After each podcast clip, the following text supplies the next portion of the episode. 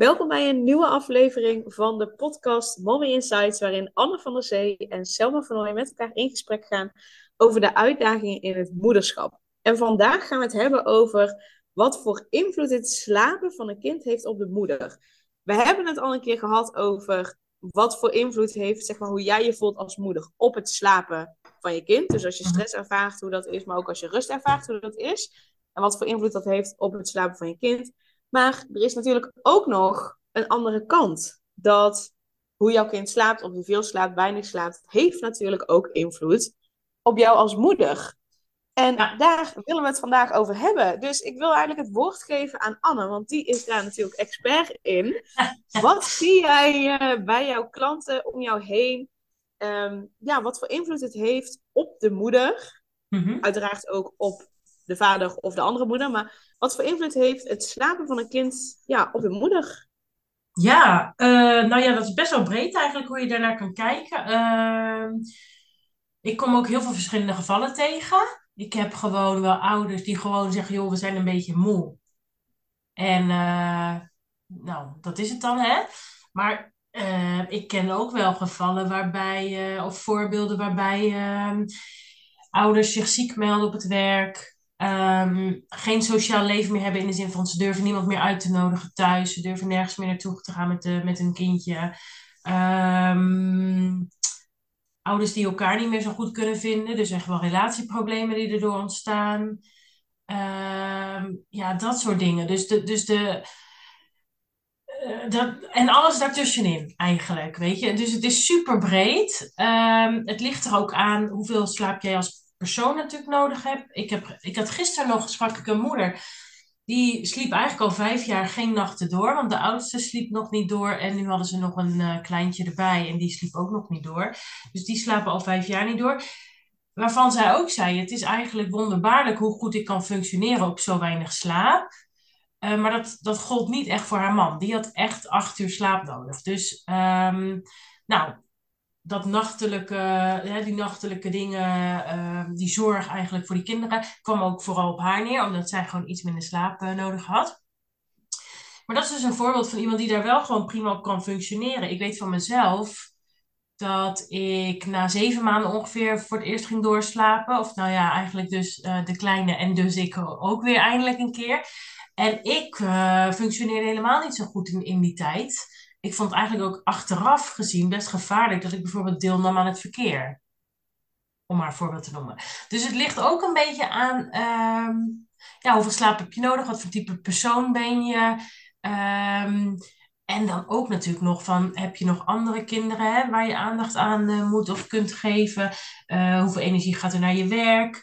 Hoe is je sociaal leven? Ja, dus dat heeft allemaal eigenlijk invloed. Dus het is um, de invloed van het slapen van jouw kind kan ontzettende impact hebben op uh, jouw leven, eigenlijk. Ja, ja dus, dus daar zit heel veel verschil in. Mm-hmm. Maar de dingen die je opnoemt, denk ik, heftig. Ja, zeker. Heftig, maar, ja. Maar dat is ook weer hoe je het ervaart. Die, die moeder die ik gisteren sprak, die, um, ja, ze klonk ook wel heel opgewekt, moet ik zeggen. En uh, nou, die was vooral gewoon verbaasd in haar eigen kunnen eigenlijk. Hè? Dus die, die was positief verrast. Um, maar ik, ik, spreek ook ouders die zeggen, oh, we kunnen niet meer. Het gaat niet zo, weet je. En die, um, en die slapen misschien zonder dat, uh, zonder dat als minder uh, af te doen hoor. Maar die slapen misschien vier maanden niet nu, weet je. En die zeggen dan van, we zijn kapot. Terwijl iemand anders dus met vijf jaar zegt van, nou, het valt eigenlijk wel mee. En ik ben verbaasd hoeveel ik nog kan. Dus het is ook een beetje ja, hoe je er naar kijkt, hoe je erin staat en hoe, ja, hoe, hoe uh, belemmerend het ook voelt. Kijk, als jij het niet zo ervaart, dan, uh, ja, dan is het natuurlijk helemaal niet erg dat je niet doorslaapt, in feite. Als jij daar niet echt uh, last van hebt, zeg maar, in je dagelijks leven. Het wordt wat anders als je daar wel heel erg last van hebt. Ja, ja, precies. Dus het is ook nog... Je kunt al dingen benoemen, hè, wat voor invloed het heeft. Uh, maar het is zeker per persoon, per situatie, per kind, per ouder. Ja. Verschillend. Zeker, ja. zeker. En um, er zijn natuurlijk ook ouders die heel goed met elkaar blijven communiceren, bijvoorbeeld uh, in tijden van slaapgebrek. ja, die ervaren ook heel anders die impact op hun relatie dan uh, partners die iets minder goed communiceren, waarbij ze inderdaad eigenlijk beide bijvoorbeeld heel veel slaap nodig hebben. Uh, en als dat er dan niet is, ja, dan word je ook uh, wat minder vriendelijk tegen elkaar. Dus dat brengt dan weer nieuwe problemen met zich mee. Dus die mensen ervaren het natuurlijk ook weer heel anders dan uh, ouders die gewoon heel goed met elkaar blijven praten of inderdaad minder slaap nodig hebben en daardoor nog steeds energie aan hun relatie kunnen geven. Um, dus ja, dat er een impact op is op je leven door het slapen van je kind of het niet slapen eigenlijk van je kind vaak, dat is wel zeker. Maar hoe je dat ervaart, ja, dat verschilt echt heel erg per mens. Ja. En eh, dit is dan ook misschien wel een te brede vraag, hè? maar wat voor Um, want zie jij die mensen die, die zoiets hebben van, nou ja, het valt eigenlijk wel mee, uh, bij wie het niet zo'n impact heeft? Zie jij die mensen ook? Of zijn het vooral de mensen bij wie het een grote impact heeft? Uh, vooral de mensen bij wie het een grote impact heeft. Al moet ik zeggen dat um, de meeste mensen weten wel steeds sneller hulp in te schakelen. Dus ik heb wel het idee dat dat een soort nieuwe trend is, waarbij mensen zeggen van joh, zo ver laten we het niet komen. Of dat ze bijvoorbeeld uh, al met de eerste een bepaalde ervaring hebben, waarvan ze bij een tweede kindje zeggen, dat willen we niet meer, weet je wel. Dus in die zin uh, um, zie ik mensen wel sneller dan voorheen. Uh, maar het, kijk, als jij het zelf niet als zodanig probleem ervaart, dan hoef je natuurlijk ook in die zin geen hulp te, te zoeken erbij. Dus het zijn wel altijd mensen die ja, die op een gegeven moment wel nu denken van, joh, nu ben ik er wel een beetje klaar mee. Even, ja, even los nog van hoe ze dan functioneren op weinig slaap. Maar wel dat er iets is waarvan ze denken, ik vind dit niet, dit, dit vind ik het gewoon niet helemaal meer. Dit, dit, dit, dit wil ik wel anders. Dat is wel, zeg maar, uh, de ge gemene delen die iedereen dan wel gemeen heeft. En de ene is daar dus een stukje sneller mee dan, uh, dan een ander. Ja. ja, ja, en het is zonder goed of fout, hè? Dat is natuurlijk Zeker. wat voor jou als ouder uh, Absoluut. goed voelt. En, en ook wel misschien de grens is. Kijk, ik kan me heel erg voorstellen, ik, ik ken van mezelf, ik heb genoeg slaap nodig. Ja. Dus ik denk dat bij mij al vrij snel de grens is bereikt van... Oké, nou, dit gaan we echt niet doen. Uh, Anne, ja. ik wil een afspraak inboeken. ja. Dan, uh, dan misschien maar iemand anders die inderdaad weinig slaap nodig heeft. Ja, ik snap nooit dat mensen niet zoveel slaap nodig hebben omdat ik echt denk, ja hallo, ik heb gewoon slaap nodig hoor. Ja, nee, ik ook hoor. Het liefst maak ik negen uur. Um, dat is echt mijn ideale uh, scenario, zeg maar. Nou heb ik de afgelopen jaren natuurlijk ook behoorlijk ingeleefd op slaap. Want dat is gewoon met een kind. Um, je slaapt gewoon minder dan daarvoor. Dat is, dat, daar zijn allemaal studies naar gedaan. Dat is gewoon een gegeven. Alleen daar vind je dan ook wel weer een nieuwe weg in of zo. Maar het ligt er natuurlijk inderdaad ook aan wat jouw partner, wat die als behoefte heeft. Hè? Want um, ik ben bijvoorbeeld ontzettend ochtendmens. Mijn partner is enorm avondmens. Um, dus dat kan ook weer heel praktisch uitpakken. Hè? Met nog uh, laatste voedingen en dat soort dingen.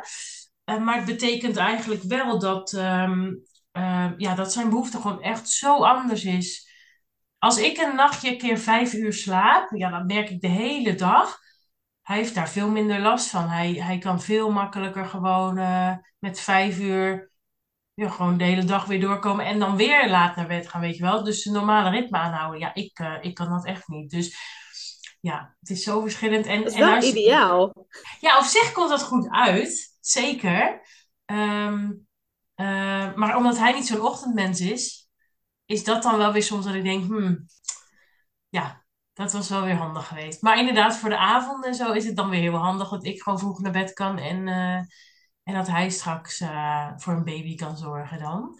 Maar um, ja, zo verschilt het gewoon ontzettend. En als je inderdaad allebei een beetje hetzelfde ritme hebt. En allebei, laten we zeggen, acht of negen uur echt nodig hebt. Ja, dan kan je je ook wel iets bij voorstellen inderdaad. Wat slaaptekort dan in zo'n huishouden, in feite in zo'n gezin doet.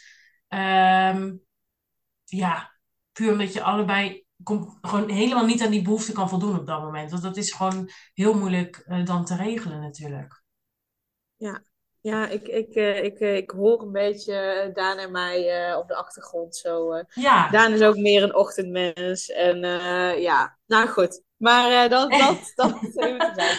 Ja, dus, dus het is heel erg per persoon afhankelijk.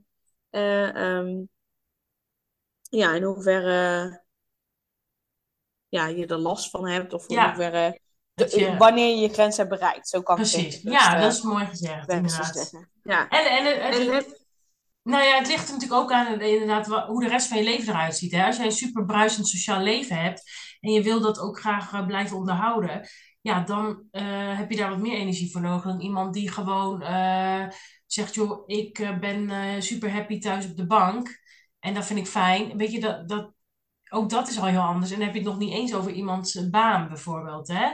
Ehm, en dat zijn nog allemaal dingen die er nog eens bij komen, buiten dus inderdaad het slapen van je kind. Dus ook hoe de rest van je leven eruit ziet. Ook dat eh, speelt ontzettend mee. Ja, hoe, kijk jij eh, eh, er tegenaan als je straks weer een klein hebt? Want met Luc is die start natuurlijk ja, niet optimaal geweest qua slapen. Hoe kijk jij er nu tegenaan? Dat is een understatement, zeg je wel heel mooi, niet, eh, niet ideaal. Nee, het was dramatisch en traumatisch, maar ja, ik hoop gewoon van harte dat ik nu de tools heb en de handvaten om het gewoon heel anders te doen. En ehm, dat hoop ik echt. En als dat niet het geval is, als het net zo dramatisch en traumatisch wordt, dan heb ik wel het idee dat ik daar nu klaar voor ben. Het is ook niet voor niks dat er zo lang tussen, hè, zo, zo lang tussen zit, tussen die twee. Ehm, ik had dat echt nodig om aan te sterken en weer mentaal een beetje sterk genoeg te worden om zoiets nog een keer aan te kunnen gaan. Maar ik, god, nou, ik duim, ik duim, eh, ik duim mijn vingers kapot dat het dit keer heel anders gaat. Want eh, ik zou dat wel. eh, ik zou het wel heel jammer vinden als het weer op die manier zou gaan.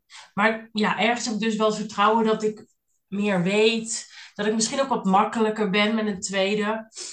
Ehm, want ja, dat gedrag van Luc toen was natuurlijk eh, absoluut een spiegel van hoe ik eh, in het ouderschap stond. En ik heb wel het idee dat ik nu steviger sta. Dus ik hoop dat dan ook terug te zien eh, in, in deze baby. Maar ja, we gaan het meemaken.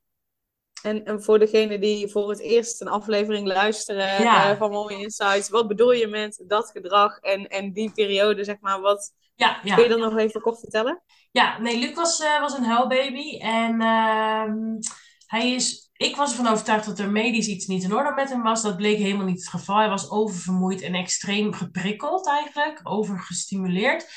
En eh, hij kon gewoon niet slapen. Dat lukte hem niet. En daar heb ik heel actief aan meegewerkt door hem dus steeds op te pakken. Weet je, ik, ja, ik was continu met hem in de weer, waardoor hij ook niet rustiger werd. Ik werd daar niet rustiger van en dat versterkte elkaar dus. Dus uiteindelijk is hij opgenomen in het ziekenhuis met ongeveer acht weken. En toen hebben ze daar slaaptraining gedaan in een geluidsdichte kamer. Ehm, ja, iets wat ik als moeder absoluut niet had kunnen doen. Dus het is goed dat, dat andere mensen dat voor mij hebben gedaan. Want toen ik hem ophaalde uit het ziekenhuis was het echt wel een ander kindje. Slapen was natuurlijk nog steeds hè, zoals gewoon een baby. Hij moest dat echt nog wel leren. Maar ik heb zoveel eh, hulp gehad. eh, tips, tricks. En ehm, zijn ergste oververmoeidheid was gewoon weggewerkt. Waardoor we eigenlijk zeg maar vers konden beginnen weer. En dat is een beetje de, ja, de reset geweest die hij nodig had. En ik uiteindelijk ook. Um, maar dat was wel echt vreselijk. Dus het hele eerste jaar heb ik wel moeite gehad met het hele moederschap. Heel, heel erg moeite gehad eigenlijk. Ja. Ja, want wat voor impact heeft, heeft de situatie en, en het slapen van Luc op jou als moeder gehad? Uh, nou, ik was er gewoon mentaal niet heel lekker uh, aan toe. Ik, uh, ik vond de verandering ontzettend groot. Dat mijn leven nu om, uh, om zo'n klein wezentje draaide. Ik wilde ook borstvoeding geven, dat ging niet. Dus ik moest kolven, want hij, uh, hij, hij, hij wilde niet. Uh, dus ik moest kolven. Dus ik had ook nog eens het idee de hele dag, zeg maar, daarmee bezig te zijn. Uh, dus daar werd ik. De, en daarnaast werd ik ook depressief op het moment dat ik ging kolven. Dat, dat heeft maar een klein percentage van de vrouwen. Maar dan is er een soort hormoon wat ineens oppopt en een soort depressieve gevoelens geeft. Dus nou, daar werd ik ook niet blijer van. Dus um, ik moest gewoon ontzettend um, wennen aan mijn rol, zeg maar, als moeder van zo'n klein hulpeloos uh, wezentje, wat mij dus 24/7 nodig had. Zo voelde het in elk geval. Ik had natuurlijk hartstikke veel hulp van uh, ook mijn partner, maar het voelde alsof, ja, alsof, alsof het allemaal bij mij vandaan moest komen. Dat was mijn eigen gevoel. En dat werd me gewoon veel te veel. Ik vond het echt super uh, overweldigend. En dan krijg je natuurlijk allemaal adviezen van mensen. En ik durfde ook nergens met Luc naartoe, omdat hij dus in het begin zo helde. Dus ik had allemaal vriendinnen die dan lekker theetjes gingen drinken met hun baby's en dat soort dingen. En lekker, eh, het was prachtig weer ook. Het was een beetje in de zomer. En ik dacht, ja, ik durf daar maar niet te gaan zitten. Ik heb dat één keer gedaan. Toen kwamen er allemaal uh, bejaarden naar me toe. Van misschien heeft hij gewoon honger. Toen dacht ik, mevrouw, u hebt geen idee. Dus dat hielp allemaal ook niet. Hè? Dus ehm, ik voelde, mijn wereld voelde gewoon super klein. Alsof het alleen maar thuis was. Alleen maar Luc was. En daar had ik gewoon heel erg moeite mee. En ehm, omdat ik zelf zo moeite had met die rol als moeder, had ik ook ontzettend moeite met de maatschappij, die mij continu aansprak op die rol. Consultatiebureau benaderde mij als moeder van kinderopvang, uh, als moeder van. Uh, ja, ik was ineens overal voor mijn gevoel. Dat is natuurlijk ontzettend uitvergroot als je je zo voelt. Maar ik voelde me overal alleen maar de moeder van. En ik had zo'n behoefte om gewoon ander te zijn om gewoon uh, een persoon te zijn, zeg maar. En niet uh, melkfabriek, uh, hulpverlener. Van, weet je, ik, ik stond compleet in, in staat van Luc, zo voelde het, in dienst van Luc. En, en dat vond ik super moeilijk. Dus mijn eigen gevoel maakte de hele buitenwereld, zeg maar, ook tot, ja, tot, tot dat eigenlijk. En dat, dat vond ik heel lastig. Ja, dus dat heeft echt wel een jaar geduurd voordat ik daar een beetje meer vorm aan kon geven. Ja. En hoe zie je dat nu met de tweede opkomst? Ja, ik ben gewoon vooral heel benieuwd. Ik, heb, ik, kijk, ik ben nu gewend aan, aan moeder zijn van. Dat scheelt. Uh, ik geniet daar ook echt van. Hè. Dit, dit is een heel dramatisch verhaal. Maar ik, en ik heb heel veel dagen dat ik het moederschap ontzettend uitdagend vind. En dat ik echt wel eens denk, waarom wilde ik precies kinderen? Dat, dat komt echt wel regelmatig voorbij. Maar ik heb ook prachtige momenten en ik geniet ontzettend van hem. En uh, weet je, het moederschap is ook gewoon heel geweldig. Dus dat wil ik even benadrukken voordat iemand uh, denkt van... Uh, jeetje, wat een deprimerend verhaal. Um, dus ik hoop nu eigenlijk gewoon... Ik, ja, ik ben heel benieuwd ook naar Luc als oudere broer straks van een baby. Naar die dynamiek. Um, gewoon een gezin van vier te zijn. Ik, ik kom zelf ook uit een gezin van vier. Um, ja, ik weet niet. Ik denk dat ik zodanig gewend ben aan mijn rol als, uh, als moeder dat, dat dit ook makkelijker gaat. Maar het zal wel weer opnieuw um, een beetje schipperen worden, inderdaad. Want ik heb, ik heb gewoon zelf heel veel ambities. Er zijn veel dingen die ik wil doen. Ik heb veel plannen voor mijn eigen bedrijf. Ja, dat moet allemaal naast mijn rol als moeder, vrouw, vriendin, dochter, allemaal daarnaast bestaan. Dus dat is soms wel zoeken, nu nog steeds. En ik verwacht dat dat straks ook weer opnieuw zoeken wordt. Ja. Ja, logisch. Want er komt weer een tweede bij, er komt een kleine bij. Dus inderdaad, die dynamiek verandert. Ja. Ja, logisch. Maar wel, eh, wat ik wel hoor in, in hoe je er nu over praat. Kijk, ik heb jou niet gekend uh, toen uh, dat hele gebeuren met Luc. Maar zoals ik je nu hoor praten, denk ik dat er wel meer rust is of zo. Meer vertrouwen van Weet je, ik, heb nu, ik ben nu zoveel verder. Ik heb nu zoveel meer tools dat mocht het... En ik ga er niet vanuit dat het weer hetzelfde wordt. Want ik geloof niet dat je weer terug kunt naar hetzelfde als je, als, als je je zoveel ontwikkeld hebt als dat jij hebt gedaan de afgelopen jaren. Uh, maar dat je ook gelooft van, ja, mocht het zo zijn, dan heb ik heel veel tools nu ja. Ja. om daarmee om te gaan. Zeker. En ik, eh, kijk, het was een hele nare ervaring, hè, maar ik, ik, ik uh, geloof altijd wel dat het dan ergens goed voor is. En op het moment dat je erin zit, dan denk je, waarom overkomt me dit? Waarom ik? Ik wil gewoon een leuke baby. Waarom lukt het niet bij mij? Nou, allemaal dat, uh, dat soort gedachten. Uh, maar nu ik erop terugkijk, denk ik, joh, mijn bedrijf is hieruit voortgekomen, weet je. Mijn, überhaupt mijn beroep, zeg maar, had ik niet eens geweten dat dat kon als dat niet was gebeurd. Ik heb zoveel aan persoonlijke ontwikkeling gedaan. Uh, dat ik ook veel beter weet wat ik wil naast mijn gezin. Uh, ik word steeds beter in tijd voor mezelf nemen, in nee zeggen tegen bepaalde dingen. Dus ik ben echt wel een enorme groei uh, doorgegaan eigenlijk. Juist omdat ik dus moeder ben geworden, weet je. Dus achteraf kan je dan zien wat voor moois het je allemaal heeft gebracht. Dus ik denk inderdaad wel dat ik ook veel beter beeld heb van wie ik wil zijn naast moeder van, zeg maar. En eerder was ik vooral gericht op dat ik graag kinderen wilde. Uh, nou, toen kwam Luc. Uh, en toen dacht ik opeens, wow, maar dit was niet helemaal hoe ik het voor me had gezien, zeg maar. Dus ehm, ja, het heeft me eigenlijk superveel gebracht. Ja, uiteindelijk.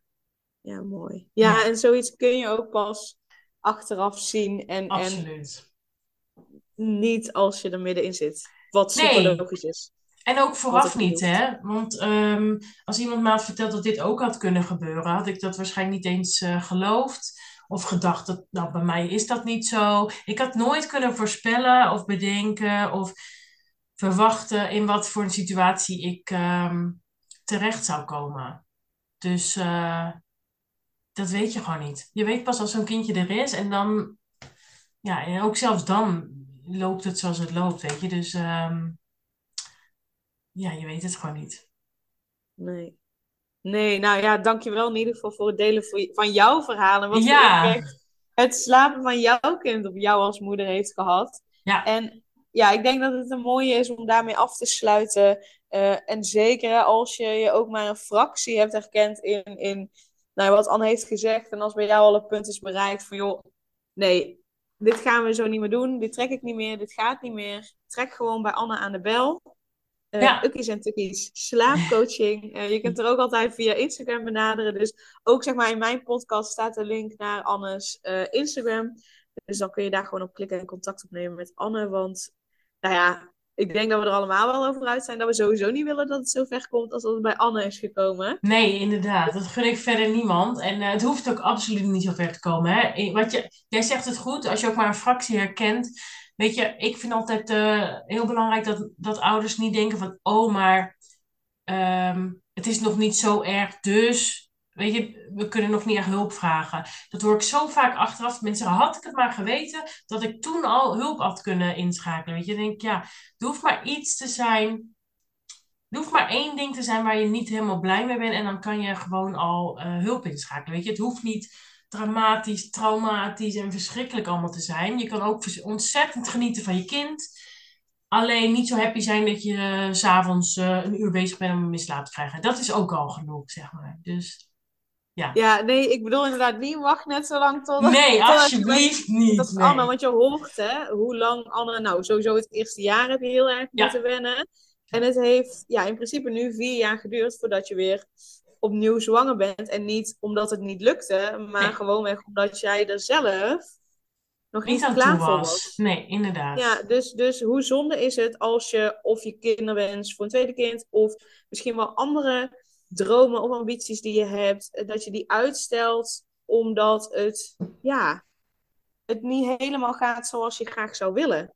Qua slapen of qua iets anders. Dus dan hoeft het inderdaad nog niet dramatisch te zijn of mega zwaar te voelen. Nee, ik vind dat eigenlijk al genoeg reden om te zeggen, joh, we gaan hier iets aan doen. Zodat we allemaal meer slaap krijgen, zodat we veel uitgeruster zijn, zodat het nog gezelliger is thuis, zodat er nog meer rust is thuis. En zodat we allemaal ja, kunnen doen wat we het liefste willen doen. Onze dromen najagen, onze ambities najagen. Want ja, ik geloof niet dat je hier op aarde bent om maar een beetje van dag tot dag eh, maar te zien hoe je dat dan weer doorkomt, zeg maar. Nee, nee, precies. Nee. Nee, Dus zeker eh, niet. nee, zeker niet. Dus weet Anne zeker ook te vinden. Yes, wees welkom en eh, een vrijblijvende DM'tje of zo is helemaal prima. Ik kijk graag even met je mee en eh, nou, ja, meld je vooral als je denkt, misschien heb ik er wel wat aan. Yes. Nou, Anne, super dankjewel. En, Ja, jij ook? Jij, graag gedaan. En super dankjewel voor het luisteren. Super leuk dat je weer luisterde naar een aflevering van de Selma Vernooien podcast. Dank je wel daarvoor. En ik deel in deze outro nog een aantal belangrijke punten. Als eerste is het mijn missie om ervoor te zorgen dat alle kinderen van Nederland zo lang mogelijk kind kunnen zijn. En dat begint bij hoe jij je voelt als ambitieuze moeder. Daarom maak ik deze podcast voor jou en voor je kind of voor je kinderen. Gun je je kinderen dus ook een vrije en gelukkige jeugd, zodat ze zo lang mogelijk speels, vrij, onbevangen en onbezonnen kind kunnen zijn. Vraag dan nu mijn gratis e-book aan 8 tips voor ambitieuze moeders om meer rust in je leven te creëren via mijn website www.selmavernooien.nl slash gratis-e-book. Ten tweede, wil je alle podcastafleveringen overzichtelijk onder elkaar en wil je als eerste op de hoogte gebracht worden als er een nieuwe podcastaflevering online staat? Abonneer je dan op de podcast door op de knop volgen, subscribe of abonneer te klikken. Ten derde, ondersteun je mijn missie en wil je ook helpen om alle kinderen van Nederland zo lang mogelijk kind te laten zijn? Laat dan een review achter in de podcast-app via waar je deze afleveringen luistert. Hoe meer reviews, hoe beter de podcast vindbaar is en dus hoe meer ambitieuze moeders en hun kinderen ik kan helpen. En tot slot, ken je andere ambitieuze moeders voor wie deze podcast interessant zou zijn? Deel dan gerust een aflevering met hen of deel een screenshot van deze aflevering op je social media en tag mij daarin. Wil je mij een vraag stellen of contact met mij opnemen? Dan kan dat via info.selmavernooien.nl of via het Instagram account Selma Nogmaals, super dankjewel voor het luisteren en tot de volgende keer.